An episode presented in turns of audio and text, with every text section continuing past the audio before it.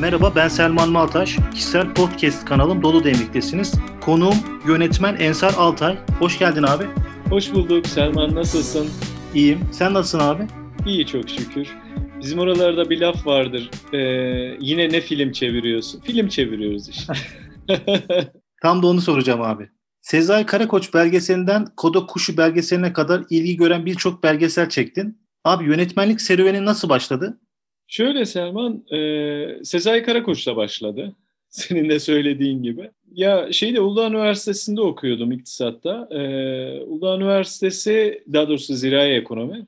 O, o dönemde bir şey oldu. İşte Sezai Karakoç'un e, şeyine, Sezai Karakoç'un kitaplarını karıştırıyordum. Sezai Karakoç'un bir metnine rastladım orada. Diriliş neslini anlattığı bir metnine rastladım. Ve ben, yani üniversitede ne yapacağımı da çok bilmiyordum işin aslı. Yani ileriye dönük ben ne yapacağım, işim ne olacak, e, yani bu hayatta durduğum yer ne vesaire kafamda türlü sorular vardı. Sezai Karakoç bir metninde şöyle bir ifadeden bahsediyordu. Diyordu ki diriliş eri e, yani kamil insan diye tanımladığı o diriliş eri sadece dünyanın akışının nereye gittiğini çözebilecek e, basirete sahip değildir. Kendi tarihinin de nelere işaret ettiğini görmelidir diyordu. Oradaki o kendi tarihinin nelere işaret ettiğini görme ifadesi ben, bende çok takıldı. Böyle bir, bir ay falan üzerinde düşündüm. Ya benim tarihimdeki işaretler neler? Ee, diye böyle bir ay, bir buçuk ay üzerinde düşündüm. Ve şunu fark ettim. Ya ben sinema ile ilgili bir e, hikaye anlatmakla ilgili her şey beni acayip heyecanlandırıyor.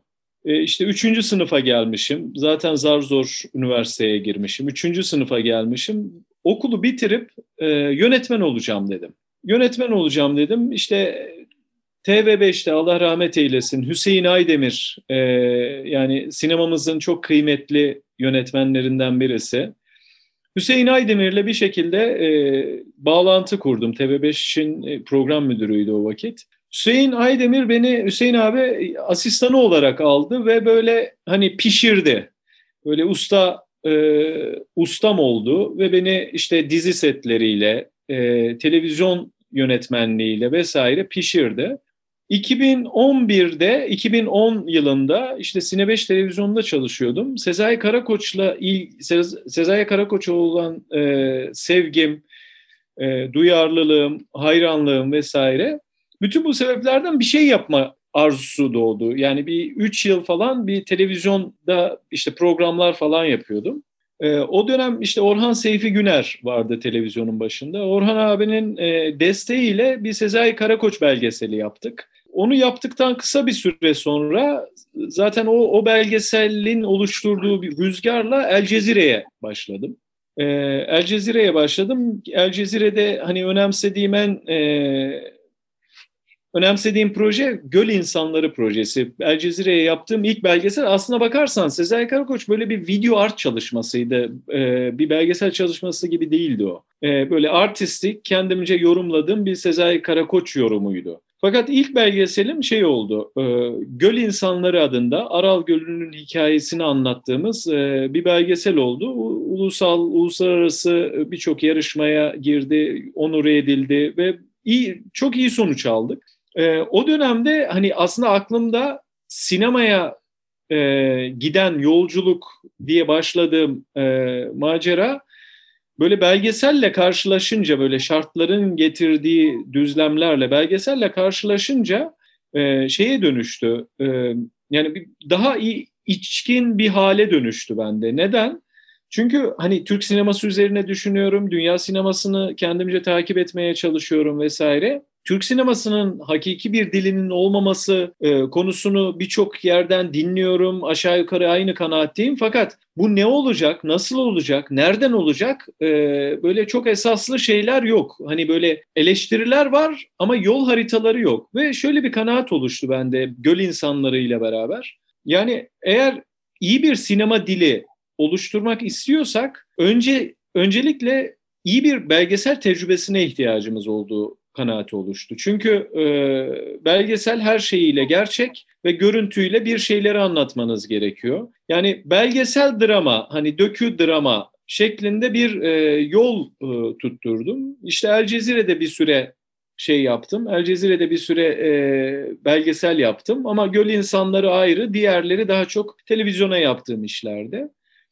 E, işte bu şeyden e, 15 Temmuz darbesinden hemen sonra e, TRT'ye başlamak nasip oldu. TRT World'e daha doğrusu. TRT World'e başladım. O TRT World'deyken ilk Amerika'da e, böyle beni çok etkileyen bir hikaye duymuştum. E, Los Angeles'ta, Hollywood'da bizzat. E, hikaye duymuştum. İşte İbrahim Eren'le görüştüm. Hani yapabilir miyiz, e, ne dersiniz bu projeye diye. Guardian of Angels yani Meleklerin Koruyucusu filmini yaptım 12 2018'de. Ee, 2000 işte en sonda onu yaptık. Ee, en sonda işte Japonya'da Kodokushi belgeselini yaptım. Yaklaşık bir 10 yıllık bir e, hani belgesel, sinema, git gel tecrübem e, oluşmuş oldu. E, bakalım gidiyoruz nereye gidecekse Allah yolumuzu açık ederse. Abi bu Amerika'da çektiğin belgesel bir iyilik hikayesi. Meleklerin koruyucusu. Ondan biraz bahseder misin? Meleklerin koruyucusu Selman şöyle. İşte 2017 yılı, 2017-2016'nın sonları falan. İki, tabii 2017 yılı. Ee, işte böyle sürekli tar- tarıyorum. Özellikle uluslararası e, gazeteleri falan sürekli tarıyorum. O dönemlerde hatırlarsın böyle işi saldırıları falan çok oluyordu. Ee, işi saldırıları oluyordu ve böyle işte medya şey pompalıyordu. Böyle bir e, imaj pompalıyordu. İşit, işitli imajı. İşitli imajı nasıl? Böyle sakallı, hani bizim sünnet sakalı bildiğimiz bir sakal. Sakallı tipler kafa kesiyorlar, şey yapıyorlar. Her normal insan gibi, her normal e, yurdum insanı gibi daha doğrusu. Beni bu çok rahatsız ediyordu. LA Times'ta bir habere denk geldim. Ya böyle sakallı, uzun sakalları olan böyle yaşlıca bir abi işte Amerika'da yaşıyor, Libya asıllı. Amerika'da yaşıyor ve ölümcül hasta çocukları, terk edilmiş ölümcül hasta çocukları evlat ediniyor. Hatta 80 tane çocuğu evlat edinmiş. Bunların 70 tanesini ölümcül hasta çocuğu evlat edinip 70 tanesini kurtarmış. Bu beni çok etkiledi işin aslı. Şey yaptım. Yani ne yapabiliriz, ne edebiliriz falan diye bir e, üzerine gittim. Bir ilk başta aslına bakarsan şey niyetim şey yapmak da değildi hani belgesel yapmak da değildi. O kadar hoşuma gitti ki bu iyilik hikayesi. Muhammed'i Facebook'tan buldum. Muhammed Bizik. Şeyin e, yani bu bahsettiğimiz iyilikleri yapan adamın adı Muhammed Bizik. E, o kadar hoşuma gitti ki Facebook'tan yazdım. İşte tebrik ediyorum. E, çok güzel bir şey yapıyorsun. E, derken bir gece e, Amerika ile Türkiye arasında da biliyorsun şey var. İşte zaman farkı tam tersinde yani bizde gündüz orada gece. Böyle gecenin bir vakti aradı bu beni. Böyle derdini falan anlattı bana. İşte caminin imamıyla yaşadığı sorunları anlattı. Bir, bir şeyler anlattı. Ertesi gün ben de uykulu uykulu tam meseleyi de tam kavrayamadım. Ertesi gün ben buna yazdım. Ya brother sen böyle anlattın ama ben e, şey yapamadım dedim. Bir daha konuştuk. Bir daha konuştuk. O ya dedi ki biliyor musun dedi ben Amerika'da işte LA Times'ta şeyim hikayem çıktı. Bana e, o kadar Müslüman community var. O kadar Müslüman ülke var. Ben de bir Müslümanım. Sen de bir Müslümansan bunu Allah rızası için yaptığımı da bilirsin dedi. Ya beni arayan ilk kişi sensin biliyor musun dedi. Kendime çok yakın hissettim seni. O yüzden konuşmak istedim dedi. E sen kimsin? E işte ben belgesel yapıyorum. İşte göl insanlarını gönderdim, izledi vesaire. Dedim ki ya biz şey yapabilir miyiz e, Muhammed? Yani bir, bir diyalog geliştikten sonra bir belgesel yapabilir miyiz dedim. Muhammed e, dedi ya 45'in üzerinde belgesel teklifi geldi. Haber böyle kısa şey falan okey ama belgesel böyle biraz daha uzun vadeli bir şey ya. Evet. E, ben 45 tane teklifi reddettim dedi. Fakat seninkini kabul ediyorum dedi. Çünkü sen ilksin dedi. Beni arayan Müslüman birisi olarak beni arayıp tebrik eden ilk kişisin. Yani Kanada'dan, Çin'den bile insanlar beni arıyorlar ama bir tane Müslüman aramadı beni. Benden sonra birçok insan aradı bu arada. Yani ama işte öyle bir e, hoş bir e, sürpriz oldu benim için de. İlk arayan kişi benmişim onu, ilk tebrik eden kişi benmişim. O Muhammed'le aramızda bir bağ oluştu. E, ve gittim. E, işte İbrahim Bey ile konuşup, İbrahim Eren'le konuşup, onun iznini alıp, onayını alıp Amerika'ya gittim. Uzun süre kaldım şeyde onun evinde kaldım. İşte zaman zaman Airbnb'den bir yer tuttum. Onun evine yakın. Onu takip ettim. Ee, yaklaşık e, yani o total çekim zamanı değil ama gidip gelmelerle yaklaşık bizim bir, bir yıl falan sürdü. 6-7 ay sürdü daha doğrusu. İşte bir e, o esnada baktığı bir ölümcül hasta çocuk vardı e, şey e, Sementa adında.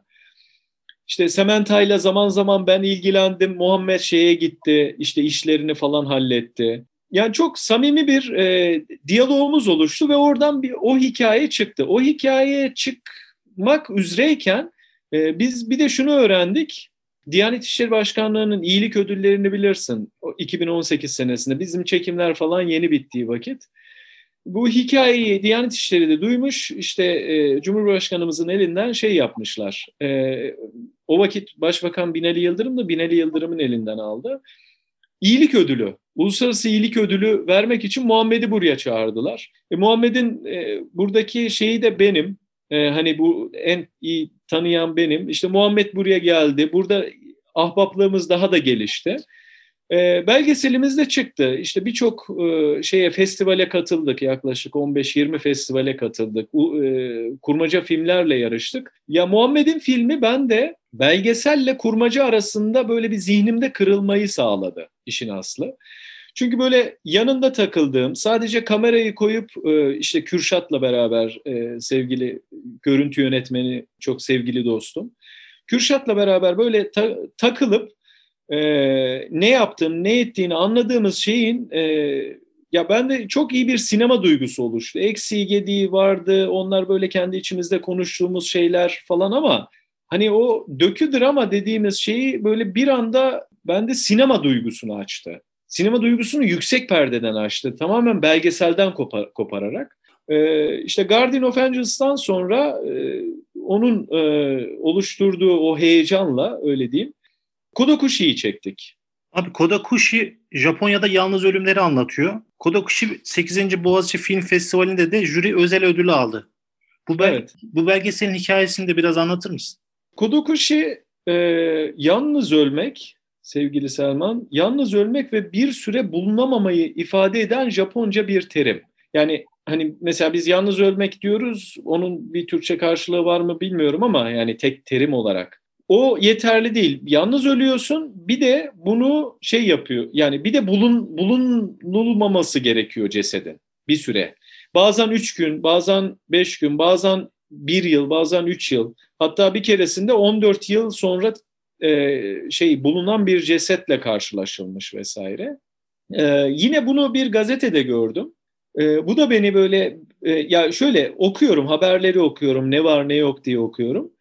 Okuduğum ve böyle beni çok saran bir şey varsa e, biraz üzerine düşünüyorum. Bu da böyle beni çarptı. Görür görmez çarptı. Biraz üzerine gideyim dedim. Öyle hemen şey yapmayayım. Çünkü e, Guardian böyle çok ilham veren bir hikayeydi bana. Böyle hani beni taş e, en azından duygularımı taşıyacak bir hikaye olsun diye biraz üzerine gideyim ne çıkar diye.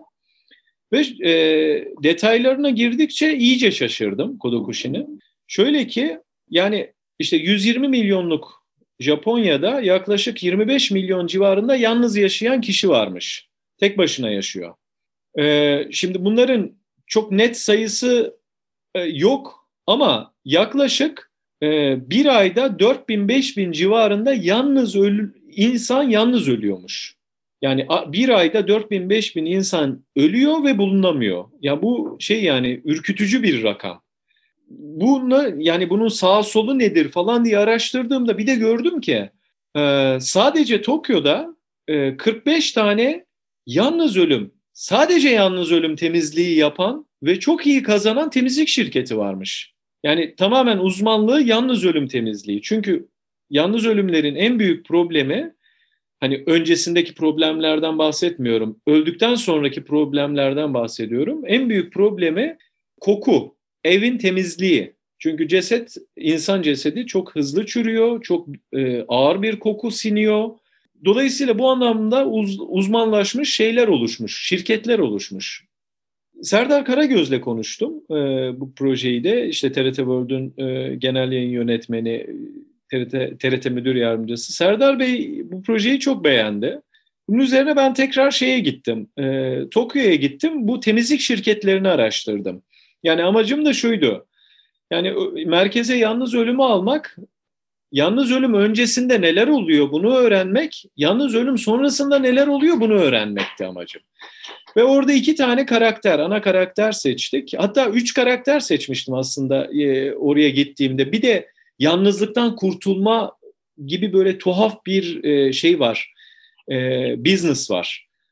E, hatta o yalnızlıktan kurtulma hikayesini Family Romance adında e, kurtulma hikayesini ben oradayken Werner Herzog çekiyordu. Fakat o Family Romance ağının böyle ticari bir ağ olduğunu hissettiğim vakit ben Kodokuşi'ye onu koymadım ama Herzog oradan devam etti. Neyse yani ya, ölüm öncesinde e, bu ölümle ilgili, yalnız ölümle ilgili sıkıntı yaşayan, bunu dert edinen insanları aradım.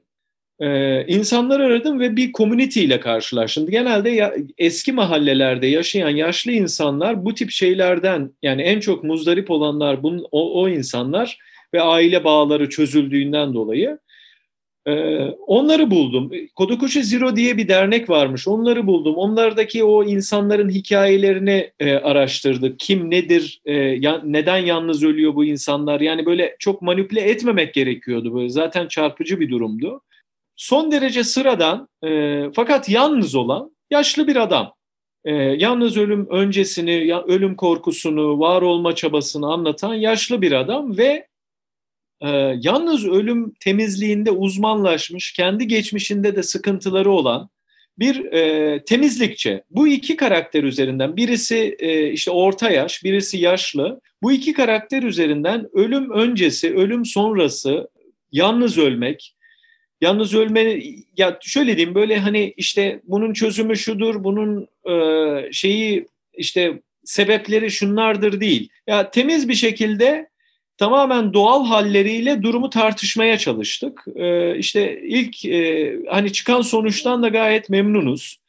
İlk işte Türkiye premierini Boğaziçi Film Festivali'nde yaptık. Oradan da e, çok güzel bir e, şey aldık yani onuru aldık. E, çok memnunum yani o anlamda. Şimdi bu pandemi vesaire vesilesiyle birçok festivali reddetmek zorunda kaldık. Bir distribütörle anlaştık. Filmin e, bu ilk başarısından sonra İngiliz e, İngiltere merkezli bir distribution ajansla anlaştık. O ajansın tavsiyelerine uyarak yaklaşık dört festivali reddettik. Ama iyi bir premier şu anda bekliyoruz. Ama işte şu şartların yeterince olgunlaşması lazım ki iyi bir premier yapalım. Dünya premierinin sağlıklı olması için. Kodokushi'nin geldiği nokta da bu sevgili Selman. Ee, bakalım inşallah bahtı açık olsun. Rahmetli Yücel Çakmaklı'nın çok güzel bir sözü var her insan gibi her filmin de bir kaderi vardır der. Ee, inşallah kaderi güzel olsun. Yani başlangıcı güzeldi. İnşallah devamı da güzel gelir. Bakalım. İnşallah. Yolda yeni bir belgesel var mı abi? Selman belgesel değil de şey var ya bir film çalışıyorum ya. Yani ya şöyle böyle her ne kadar çalışırsanız çalışın yani ben kendime söylediğim sözleri böyle sen de bizim de ahbaplığımıza binaen çok samimi bir şekilde söylüyorum. Yani bir insan kendini çok çalışkan adledebilir, çok yetenekli adledebilir, şu bu vesaire. İmkanları falan çok iyi olabilir. Her ne olursa olsun benim gördüğüm şuydu. Hani bir şeye niyetleniyorsan onun sana nasip olup olmayacağını sen değil Allah biliyor yani. Ee, şu anda bir film çalışıyorum ama hani nasıl olur, nasıl yaparız şu anda bilmiyorum. Şu anda bir oluşma aşamasında. Hikaye, filmin adı Yağmurda Bir Kara Kedi. E, hikaye e, neyi anlatıyor diye soracak olursan e, şeyi yani yaşlı bir adamın işte bu Z kuşağı dediğimiz e, böyle bütün insanların, insanlığın sanki onlara hizmet etmek için var olduğu şeyiyle e, böyle bir tuhaf bir algısıyla yaşlı bir adamın bu yeni nesil jenerasyonla hatta yeni nesil jenerasyonun ileri boyutlarıyla yani ileri boyutlarından kastım şu yani dünya dijital bir dünyaya evriliyor. Dataların hakim olduğu bir dünyaya şey yapıyoruz. Yol alıyoruz. Hani bu dataları toplayanlar, bu datalara uyum sağlayanlar ayakta kalacak, şey yapacak, uyum sağlayamayanlar geri kalacak gibi bir algı var malumun. E, bu buraya doğru hızla gidiyor. Özellikle genç nesil buraya direkt kendini bu minvalde e, şey yapıyor. E, hani tarif ediyor değil, bu minvalde yaşıyor. İşte sanal dünyada yaşayan bir nesil var. Fakat e, yani kedisini kaybeden bir adamın e, işte bu next generation'la karşılaşması ve tuhaf nasıl diyeyim tuhaf uyum ve çatışma halleri e, bir gerilim e, gerilim komedi filmi. Yani bir polisiye gerilim komedi, kara komedi filmi. E, şu anda senaryo iyi gidiyor. Yani şu bir de mesela daha önce de birkaç defa senaryo yazdım. Bazı senaryolar vardır mesela şey yaparsınız. Başlarsınız, tıkanırsınız falan.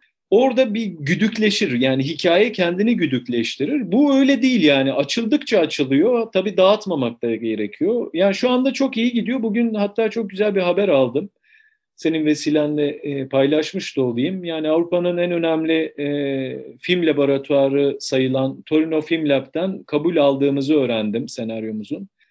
Bu da beni çok mutlu etti. Bakalım hayırlısı inşallah. İnşallah. Bu güzel sohbet için çok teşekkür ederim Ensar abi. Eyvallah Selman. Bu güzel sohbet için ben teşekkür ederim. Ben konuştum. Ee, yani asıl benim teşekkür etmem gerekiyor. ee, inşallah e, şeyin yayınlarında umduğundan çok daha güzel olur. Çok sağ olasın. İnşallah. Konuğum Ensar Altay'dı. Sağlıcakla kalın.